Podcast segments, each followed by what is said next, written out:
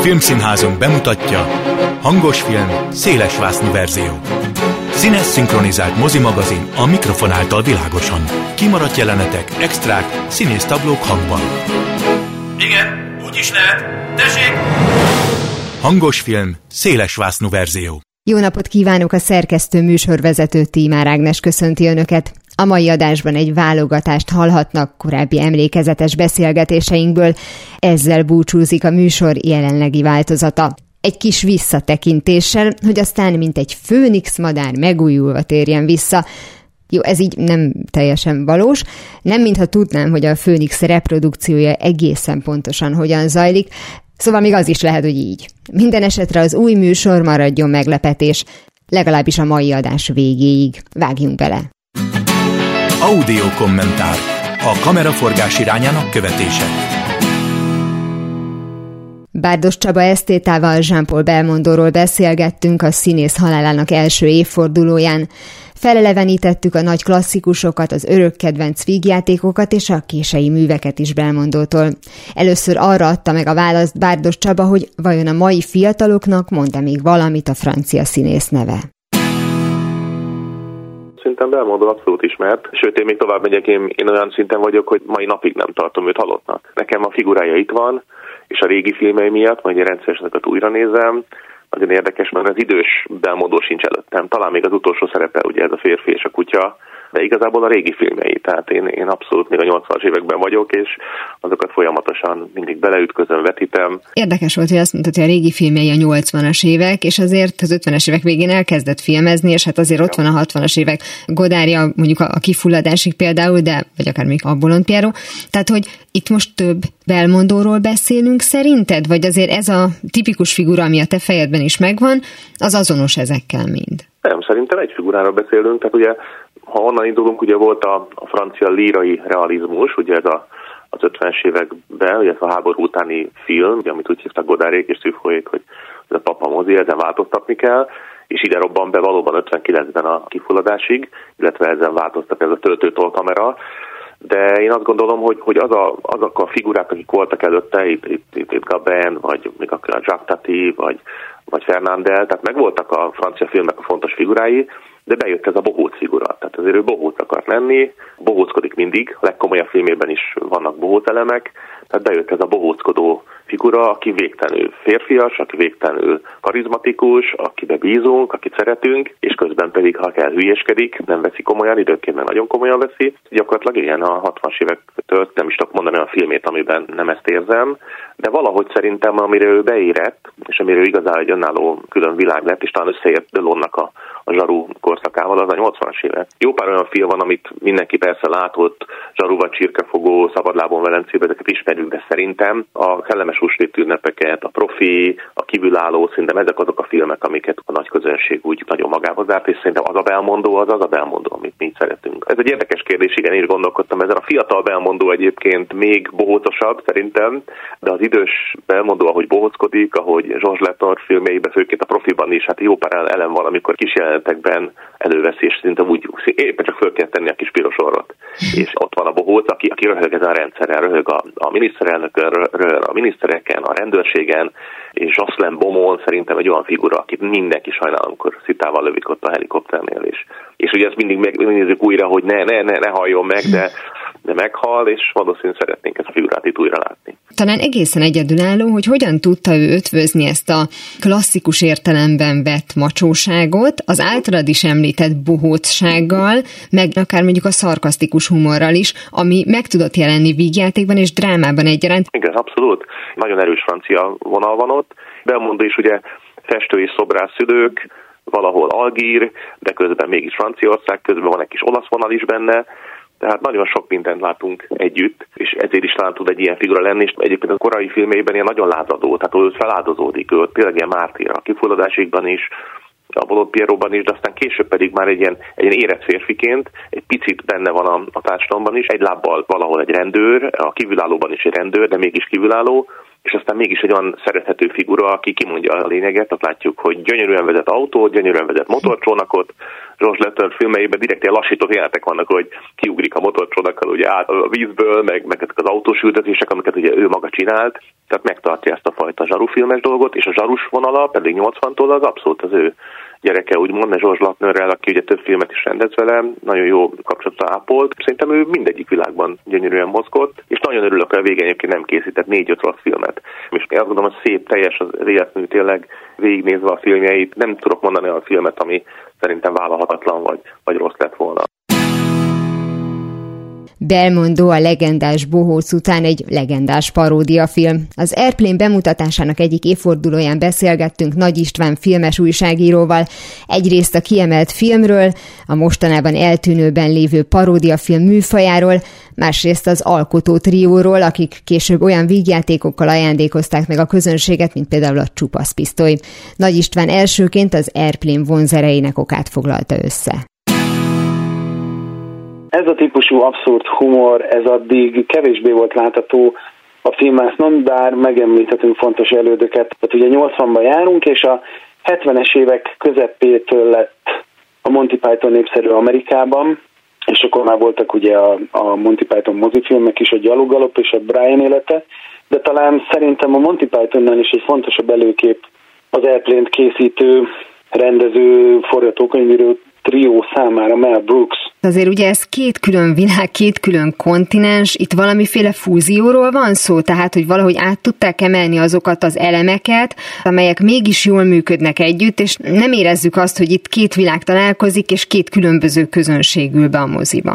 Igen, igen, tehát szerintem simán ki lehet jelenteni ezt, hogy ennek a kettőnek a keveréke valahol, ami, ami a Monty Python ból lett átvéve, szerintem az ez, a, ez az abszolút humornak ez a jellegzetessége, hogy viszonylag normálisból indul el valami, ami aztán őrültségé fajul, ez, ez ugye az airplane abszolút jelen van, Mel Brooks-tól pedig hát kicsit ugye a paródia, tehát mondjuk ha megnézzük a, a Fényes Nyergek az egy western paródia, az Icsi Frankenstein egy horror paródia, az Airplane pedig a katasztrófa filmek műfaját parodizálta ki, és ez a, ennek a kettőnek az ötvezetéből lett valami, valami egészen újszerű dolog. Az említett trióról mindenképpen ejtsünk pár szót. Mennyiben volt ez egy ilyen teljes szimbiózis a, a részükről, tehát hogy mit kell tudni róluk mondjuk az Airplane előtti időkből? Itt ugye egy testvérpárról van szó ebben a trióban, ugye Zucker fivérek, David és Jerry, ők értelemszerűen nagyon régóta ismerték és akkor hozzájuk csatlakozott harmadiknak Jimmy Abrahams. Ő is egyébként viszonylag hamar ismerte őket, már egyetemre együtt jártak, és aztán megalapították a Kentucky Fried Theater nevű színház csoportot, vagy vigyáték csoportot, úgyhogy ők először színpadra alkottak abszurd dolgokat, és aztán 77-ben lett először mozifilmjük, ez volt a Kentucky Fried Movie, ők írták, de kiadták a rendezést. Ebben a korai filmben már láthatunk olyan jeleket, amikből aztán később ugye megszületett az Airplane-ben, meg a csupaszpisztolyban nagyon különleges ügyosztályban látható abszurd humor, tehát ez volt az elő életük, amit szerintem fontos elmondani. És az Airplane-hez hogyan vezetett az út? Mi volt ez a film, ami ezt kiváltotta, illetve miért gondolták azt, hogy akkor most már ők állnak a kamera mögé, vagy ők ezt meg tudják csinálni rendezőként is? Érdekes születési története van az airplane tehát eleve ugye volt ez a három, akkor még fiatalember. És onnan jött a, a fő ihlet forrás, hogy éjszakára mindig elindítottak egy videókazettát, hogy vegyen fel műsorokat, filmeket a tévéből amikor ők alszanak, és hát a 70-es évek második feléről beszélünk, akkor a videó még elég ismeretlen fogalom volt Magyarországon, de, de az USA-ban már létezett, és fölvettek mindenfélét, és leadott egy 57-es keltezésű katasztrófa filmet, egyik éjszaka TV, egy nem igazán híres Zero Hour című filmet. Tulajdonképpen nem is mondom el, hogy miről szól, mert szinte teljes mértékben megegyezik a cselekménye az eltűnével, tehát ők azaz trió teljes mértékben átemelte a, a cselekményét a Zero Hour-nek, tehát hogy repülő, rosszul lesznek a kajától, sokan a pilóták is, van szerencsére egy pilóta tapasztalata rendelkező ember a gépen, akinek a felesége az egyik utaskísérő,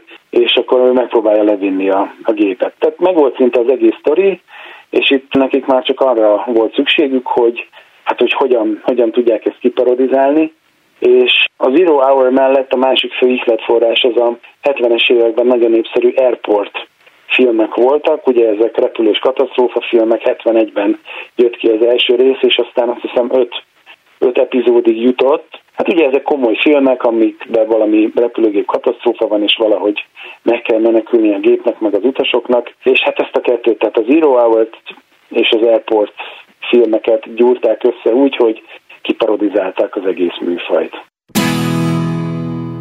A hangos film szélesvásznú verzió több alkalommal technikai kérdésekre gyűjtött válaszokat, de azt is vizsgáltuk, hogy az esetleges gazdasági akadályok mellett hogyan kerül a vászonra az alkotó álma.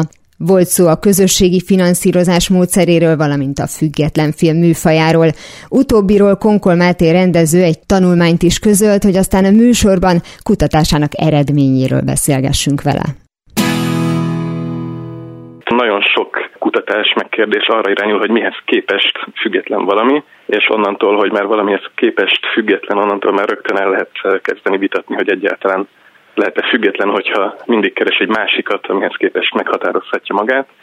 Itt a, a tanulmányom is egy ilyen elméleti kerettel kezdődik, amiben a Pierre Bourdieu-nek az írásaira támaszkodok elsősorban, és ő is így a distinkciót emeli ki fontos szempontként hogy ha mondjuk filmeket nézünk, akkor biztosan egy mainstream, amihez képest független, akár gazdasági szempontból, akár esztetikai szempontból, akár egyébként politikai szempontból is. És akkor engem ez érdekelt, hogy valójában létezhet-e a függetlenség, és ha igen, akkor milyen mértékben, mert valószínűleg annyira szövevényes és összetett ez a sok különböző fajta, de egyszerre létező függetlenedési kísérlet, hogy valószínűleg csak egy ilyen relatív autonómia tud majd létrejönni. Akármilyen művészeti ágról beszélünk, de ugye elsősorban engem a film érdekel. Az általad említett három szempont, nevezetesen, hogy gazdasági, esztétikai vagy akár politikai függetlenségről van ez szó, mind a három önmagában nagyon fontos, de mégis ha azt mondjuk, hogy független film, akkor ebből kiemelhető egy olyan, amire a leginkább gondolunk?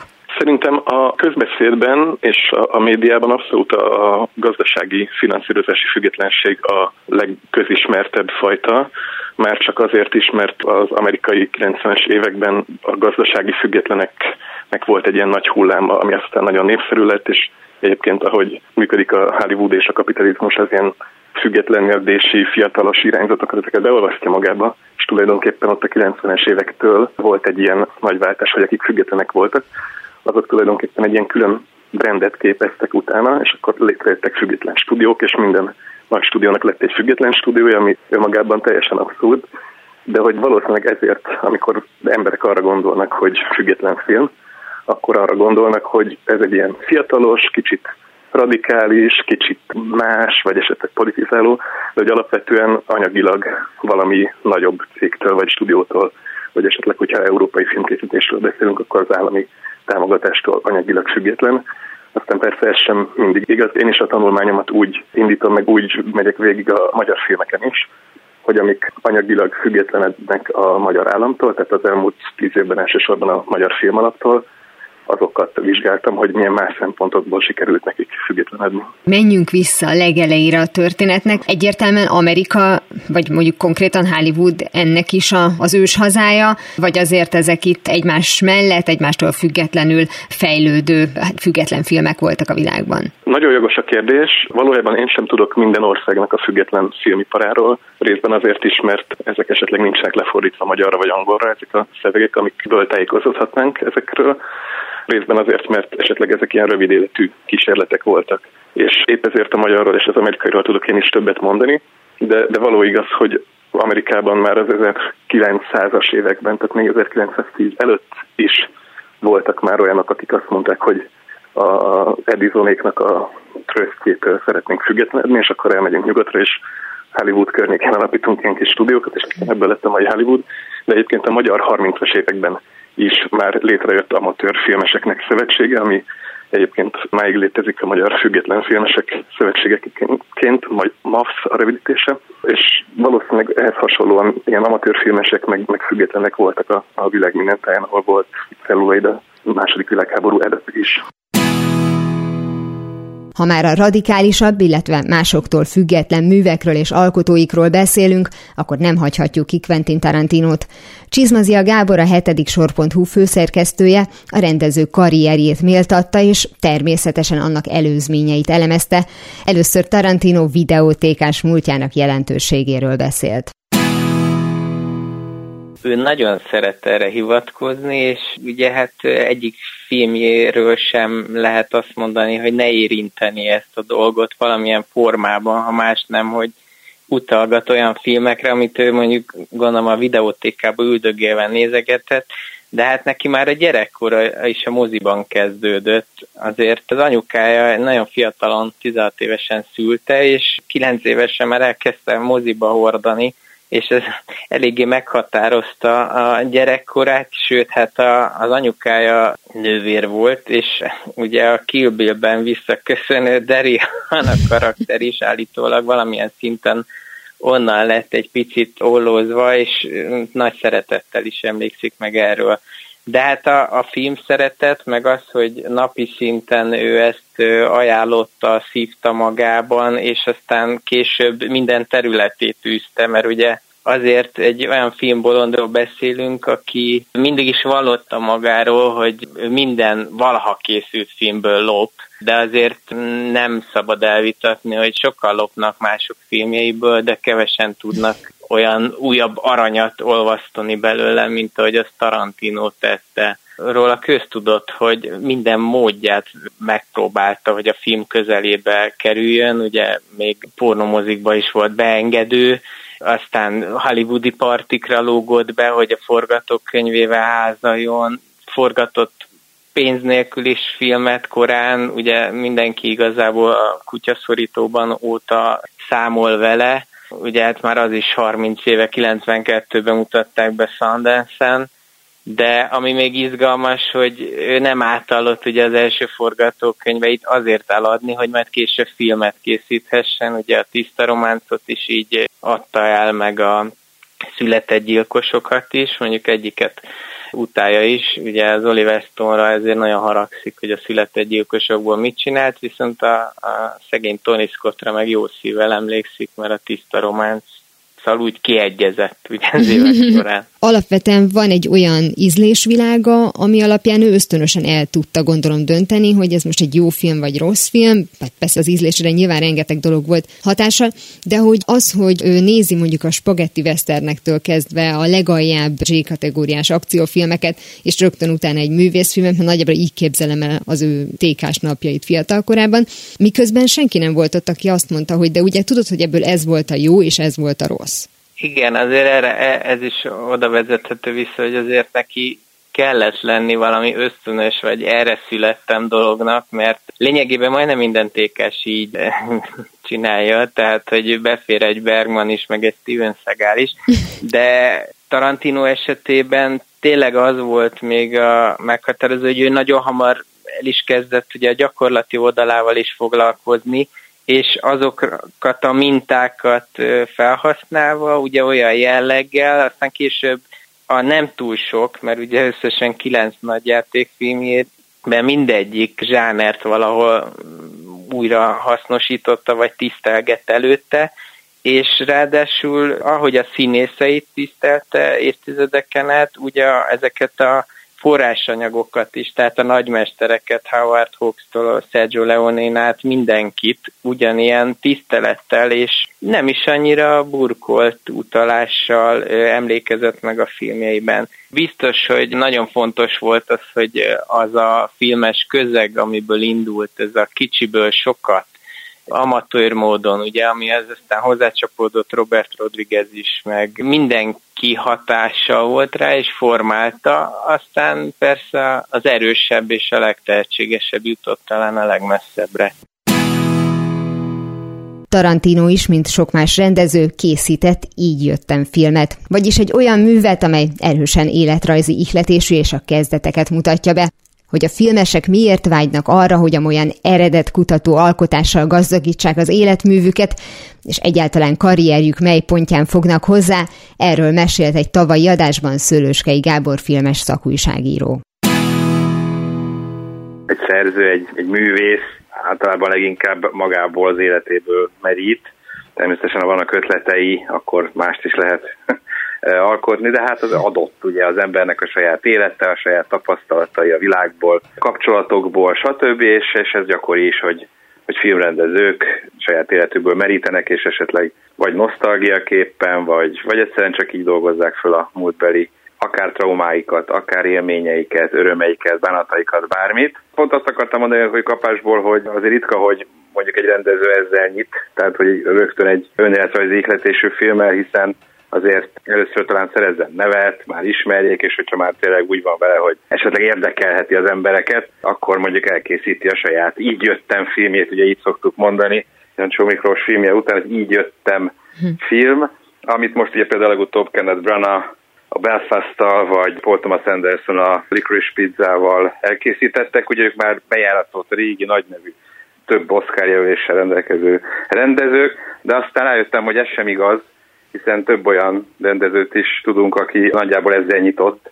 Tehát például Richard Linklater a tökéletlen időkkel, vagy vegyük úgy, hogy a karriere legelején volt, vagy Cameron Crowe-nak is ugye a majdnem híres, ami szintén önéletrajzi ikletésű, ezt lehet sokan nem is tudják, hogy ő, ő maga is Rolling Stone-nak írt fiatal korában, és egy olyan helyzetbe került, mint a majdnem híres főszereplő sráca, és akkor ebből forgatott filmet, ez valóban egy érdekes dolog. Szóval, szóval igazából ilyen is, hogy lehet, hogy valaki egy így jöttem mert indít, ez sem meg helyét, egyszerűen csak annyi, hogy, hogy milyen témát talál a rendező a saját életében, ami, ami mondjuk filmre kívánkozva érdekes lehet a nézők számára. Mert azért el tudom képzelni, hogy van, bizonyára vannak olyan rendezők is, akik nem sok minden történt, vagy hát, vagy hát most idézőjelben unalmasan, átlagosan telt a fiatalkora, de az is lehet egyébként, hogy mondjuk egy azt milliót, amiben ő felnőtt, nem is feltétlenül életrajzi, tehát a vele történt dolgokat adja vissza, hanem azt a hangulatot, azt a milliót, azt a azt az életérzést, ami, ami a fiatal korára jellemző, vagy például Quentin Tarantino ugye volt egyszer egy Hollywoodban, ugye abban a korszakban volt ő gyerek, és ezek a filmek, zenék, hatások, jelmezek helyszínek határozták meg a fiatalkorát, és küldték olyan pályára, amiben megismertük a filmezés irányába, szóval akár ilyen is lehet. Ha már mondtad ezt, hogy sokszor a millió, vagy mondjuk a helyszín az, ami meghatározó lehet, nekem azért eszembe jutott, hogy például a Ben Affleck Matt páros még akkor is, hogyha egyes filmjeikben nem feltétlenül a saját életüket viszik vászonra, hát mondjuk Boston az, az mindenképpen főszerepet kap, tehát hogy ez a honnan indultamnak legalábbis a helyszínét azt így belövik, és nem ők az egyetlenek. Így van, így van. Valóban a Netflix filmjeiben is Boston valahogy mindig feltűnik. Hát ugye, amiben fölnő az ember, azt a világot érti. Abban van tapasztalatai, tudja, hogy ott mik történnek, milyenek az emberek, hiteles tud lenni, sokkal hitelesebb tud lenni. Hát mondjuk nem tudom, én rendezésre adnám a fejem, és Aténról akarnék filmet csinálni, hát nem hiszem, hogy túl hiteles filmet tudnék. Még Budapestről mondjuk valószínűleg azért úgy elkapnám a hangulatát, mert egész életemben itt éltem, szóval ez is nagyon-nagyon sokat számít, de hát ugye ott van Alfonso Cuaron Rómája, ugye, ami szintén egy ilyen hasonló. Mexikóban ez egy ilyen városrész, ahol ő gyermekként felnőtt, és a kapcsolata ugye a dadussal, illetve akkori diáklázadás, stb. és ezeket mind-mind belevette a filmjébe, aminek szintén egy konkrét cselekménye igazából nincs, csak egy ilyen, egy ilyen életből, egy életrészletből egy ilyen kiragadvány, hogy hogy csúnya szóval mondjam, ami, ami bemutatja, hogy, hogy ott milyen volt az élet, milyen volt a hangulat, milyen körülmények között nevelkedett, és hát akár ebből is egy fantasztikus film tud születni. De lehet, hogy ez valóban, ahogy, ahogy már mindeket mondtuk, ez, erre mondjuk például akkor lennénk inkább kíváncsiak, vagy akkor lehet, hogy akkor osztanak Oszkárt is, mint például Cuaronnak a romáért, amikor már azért tudjuk, hogy van egy Alfonso Cuaron. Uh-huh még lehet, hogy egy abszolút névtelen valakinek ez úgy kevésbé híresülne el, vagy kerülne tényleg így a díjkiosztok elé. Zárásul pedig jöjjön egy olyan interjú részlet, amely már elvezet minket az új műsor irányába. Aki rendszeres hallgatója a hangos film szélesvásznú verziónak, az pontosan tudja, miről is szól a mozgóképizmus rovat. Pár Ádám történész politológussal a filmeket ugródeszkának használva vizsgálunk meg egy adott korszakot, társadalmi berendezkedést vagy jeles történelmi személyiségeket. A jövő héten már a hangos film mozgóképizmussal várom önöket, vagyis a rovat lényegében az eredeti műsor spin-offjaként adássá fejlődik. A jól ismert szakértőnkkel a már megszokott időpontban térünk vissza. Így aztán a mai utolsó beszélgetés abból a korábbi sorozatból való, amelyet Pár Ádámmal készítettünk a hangos filmen belül. Az interjú a különböző kultúrák filmen való ábrázolására irányult. Ebben a részletben az Ausztrália című filmről volt szó. Ez a film arra tett kísérletet, hogy egy keresztmetszetet nyújtson a kontinensnek a 20. századi történetéről, 20. század első felének a történetéről, hiszen Ausztrália történetének, amely lássuk be őszintén, hogy Magyarországon nem tartozik a legismertebbek közé, olyan csomó pontjait elevenítette meg, amelyek mondjuk az ausztrál nemzettévállásban, nemzeti identitás kialakulásában, akár a multikulturális nemzetfelfogás kialakulásában létfontosságúak voltak, volt ebben utalás az első világháborús ausztrál részvételre, Gallipollira, a főszereplő, férfi főszereplő Drovernek a figuráján keresztül, a Drover marhapásztort jelent, és mint kiderült a film során, ő veterán volt, tehát 1915-ben ott volt Gallipolli szikláinál, és ami nagyon hangsúlyos a Ausztrál őslakosoknak a helyzete, tehát egy kicsit már elszakadása fehér Ausztrália modelljétől, és nagy fókusz irányult ebben a filmben a, a félvér gyerekeknek a sorsára, akiket egy időben elszakítottak a benszülött családjuktól, kultúrájuktól, és külön intézetekben nevelték őket. Szóval, hogy mindezt igyekezett a rendező bele zsúfolni, és ami még egy adalék ehhez, hogy igyekezett bemutatni itt a marhabáróknak az életét és egymás közötti harcait. Egyébként ugye a film végén pontosan azzal az egy mondattal is zárja, hogy az úgynevezett elrabolt generáció vagy nemzedéktől bocsánatot is kért ugye az éppen regnáló miniszterelnök. Most az évszámot nem fogom tudni megmondani, de a lényeg az, hogy... Valamikor a 90-es évek végén. Igen, és ez elég későn. Igen, és ugye ezért is gondolt, hát egyrészt ugye nagyon későn, és hát nyilván ezért is volt fontos Lörmen számára, hogy ezt bemutassa, és azt hiszem, hogy talán nekem ezért is volt egy ilyen fura érzésem a filmmel kapcsolatban, mert én nagyon örültem volna neki, hogyha ez a nagyon fontos kérdés sokkal nagyobb hangsúlyt kap, miközben ez a film második felében merül föl. Azt is értem, hogy az elején szándékosan akarta mutatni, hogy minden ilyen nagyon hollywoodi filmbe való, és nagyon romantikus, és nagyon látványos, és aztán egyszer csak történik az élet, csak nekem valahogy ez ilyen kuszára sikerült. Igen, talán még ez abból is fakad, hogy ezt a filmet a grandiózussága és a díszletei, meg részben a konfliktusai okán előszeretette hasonlították az elfújta a szélhez, ami persze abban a tekintetben egy hamis párhuzam, hogy az elfújta a szél egy virtigli, konzervatív, sőt mondhatni, hogy már a maga korában is eléggé reakciós alkotás, és nem csupán a rabszolgasság miatt, de hát ezt már egyszer kitárgyaltuk ebben a műsor folyamban, még ugye ez a film kifejezetten egy nevezük úgy, hogy liberális vagy szociálisan érzékeny mondani valóval szolgál, hogy a pénz nem minden, meg a nagy birtok, hanem rádöbben a Angliából érkezett arisztokrata nő, hogy nem minden ausztrál fehér ember vadember,